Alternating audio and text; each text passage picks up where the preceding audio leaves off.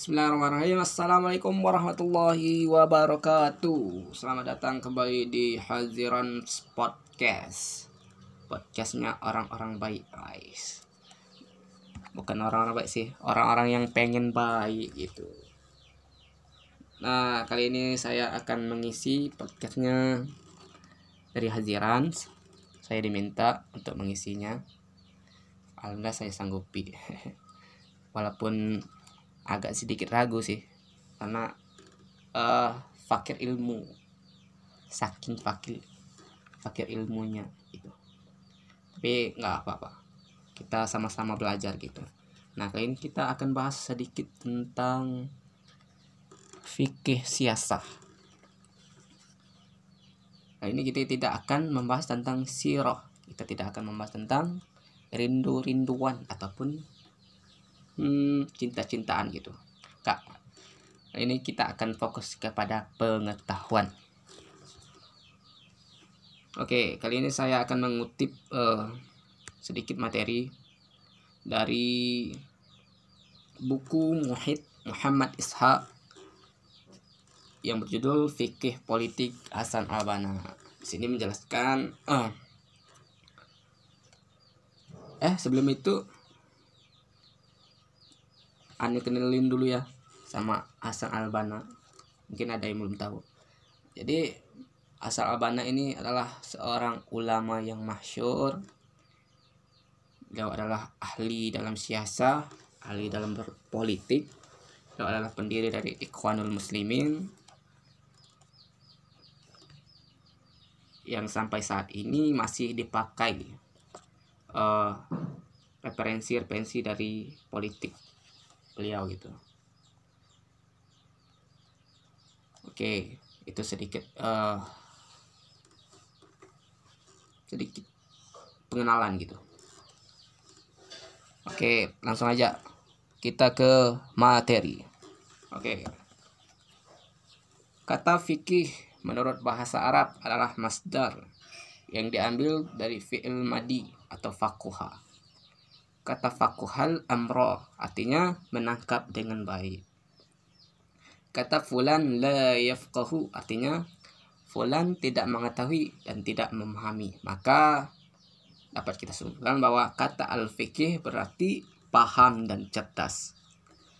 Fikih tidak sekedar mengetahui, tetapi fikih adalah pemahaman yang mengharuskan kerja otak, analisis akal, dan usaha yang serius dalam hal ini. Nah, jadi bukan main-main gitu.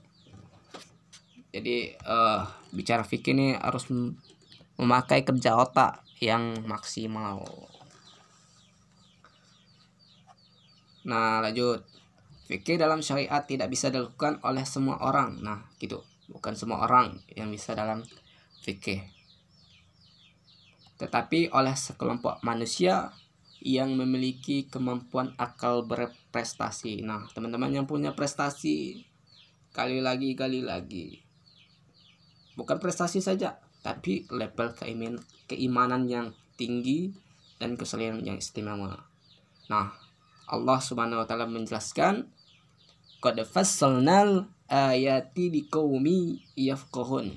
Sesungguhnya telah kami jelaskan tanda-tanda kebesaran kami kepada orang-orang yang mengetahui Quran surah Al-An'am ayat 98. Nah, Allah sudah sudah menjelaskan bahwa uh, tanda-tanda kebesarannya kepada orang-orang yang berpikir, orang-orang yang bertafakur atau orang-orang yang yafqahun yang mengetahui yang mempunyai ilmu. Fikih dalam syariat tidak akan dihasilkan oleh orang kafir ataupun orang munafik. Karena kenapa? Allah juga menjelaskan bahwa bi'annahum qaumul la yafqahun. Disebabkan orang-orang kafir itu kaum yang tidak mengerti. Quran surah Al-Anfal ayat 65. Nah, jadi begitu. Uh, bahwa orang-orang kafir itu tidak akan mengerti, tidak akan paham tentang fikih karena mereka itu benar-benar tidak memahami dari hakikat fikih itu sendiri. Oke. Dan kata fikih dalam istilah syar'i bermakna huwa istinbatul ahkami syar'iyatil amaliyati min adillatiha at-tas at-tafsiliyah. Fikih adalah menggali hukum-hukum syar'i yang bersifat amali ataupun pengamalan dari dalil-dalil yang rinci. Nah, jadi ketika kita bicara fikih, ketika kita menetapkan fikih, kita harus uh, menggali lebih hukum-hukum syar'i yang bersifat pengamalan dari dalil-dalil yang cukup rinci, cukup detail gitu. Sedangkan kata asyasi berasal dari kata sa-sa. Bentuk fa'il pelakunya sa'is. Dan masdarnya siasa. Yang maknanya adalah ar-ri'ayah, mengelola. Sa'isul khayli artinya pengendali kuda. Sa'sal ummata berarti mengelola urusan umat. Dan kata asyasi adalah orang-orang yang memperhatikan urusan umat. Nah, asiasi itu adalah orang-orang yang memperhatikan urusan umat, urusan manusia, urusan kehidupan manusia gitu. Dan mengetahuinya dengan detail. Mengetahuinya tidak asal-asalan. Memahami, paham betul, dan menerapi lewat pikiran lewat pemikiran, lewat akal, dan pendapatnya dengan benar. Nah, harus uh, benar-benar uh, dengan pendapat yang tidak asal-asalan gitu. Seorang politisi Islami adalah seorang Muslim yang komitmen dengan Islam. Nah, jadi seorang politik politik politikus itu harus benar-benar komitmen. Nah, kita sebagai seorang muslim harus berkomitmen dengan politik Islam. Harus berkomitmen dengan Islam dan mengelola urusan umat dengan sudut pandang Islam dan hukum agama. Jadi bukan mensekulerkan sesuatu. Tidak liberal. Tidak menghalalkan segala cara. Jadi memang betul eh, betul-betul untuk urusan Islam, untuk urusan agama. Hal fikih asyasi adalah pemahaman yang detail, pemahaman yang menyeluruh tentang urusan umat, baik itu internal maupun eksternal. Dan mengelola segala urusan itu sesuai dengan petunjuk dan hukum Islam. Jadi harus berpedoman pada hukum Islam gitu. Bukan berpedoman pada hawa nafsu. Karena kalau menggunakan hawa nafsu takutnya nanti hanya ke urusan pribadi bukan urusan orang lain itu. Nah, siasa itu ada dua macam. Yang pertama ada siasa syariah dan bukan syariah. Siasa syariah artinya membawa seluruh urusan manusia sesuai dengan pandangan syariat atau syariat. Maaf tadi terpelincir. Syariat itu dan pemerintahan yang bekerja untuk menjaga agama dan dunia. Nah, jadi begitu kalau uh, terkait dengan siasah syariah atau politik syariah, politik Islam lebih tepatnya. Jadi lebih ke tatanan agama yang melingkupi dengan dunia. dunia itu diatur oleh agama jadi jangan dunia mengatur agama itu kebalik gitu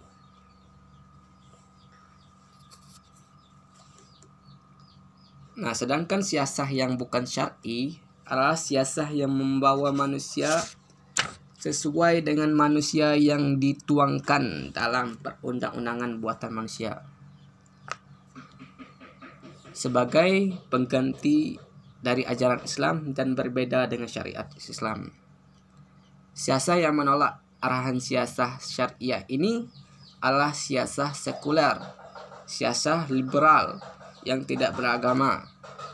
Siasah yang tidak beragama adalah siasah jahiliyah. Nah, itu disebutkan dalam buku ini. Bahwa siasah yang tidak syar'i, siasah yang tidak beragama adalah siasah jahiliyah atau politik kebodohan. Nah, karena ketika uh, menggunakan politik yang tidak menuangkan agamanya di dalam politik itu, maka akan terjadi berbagai permasalahan-permasalahan yang akan dihadapi. Contohnya seperti saling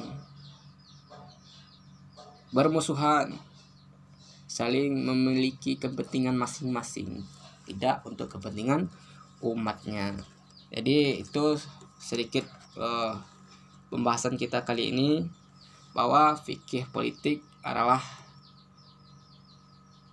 sesuatu yang dikelola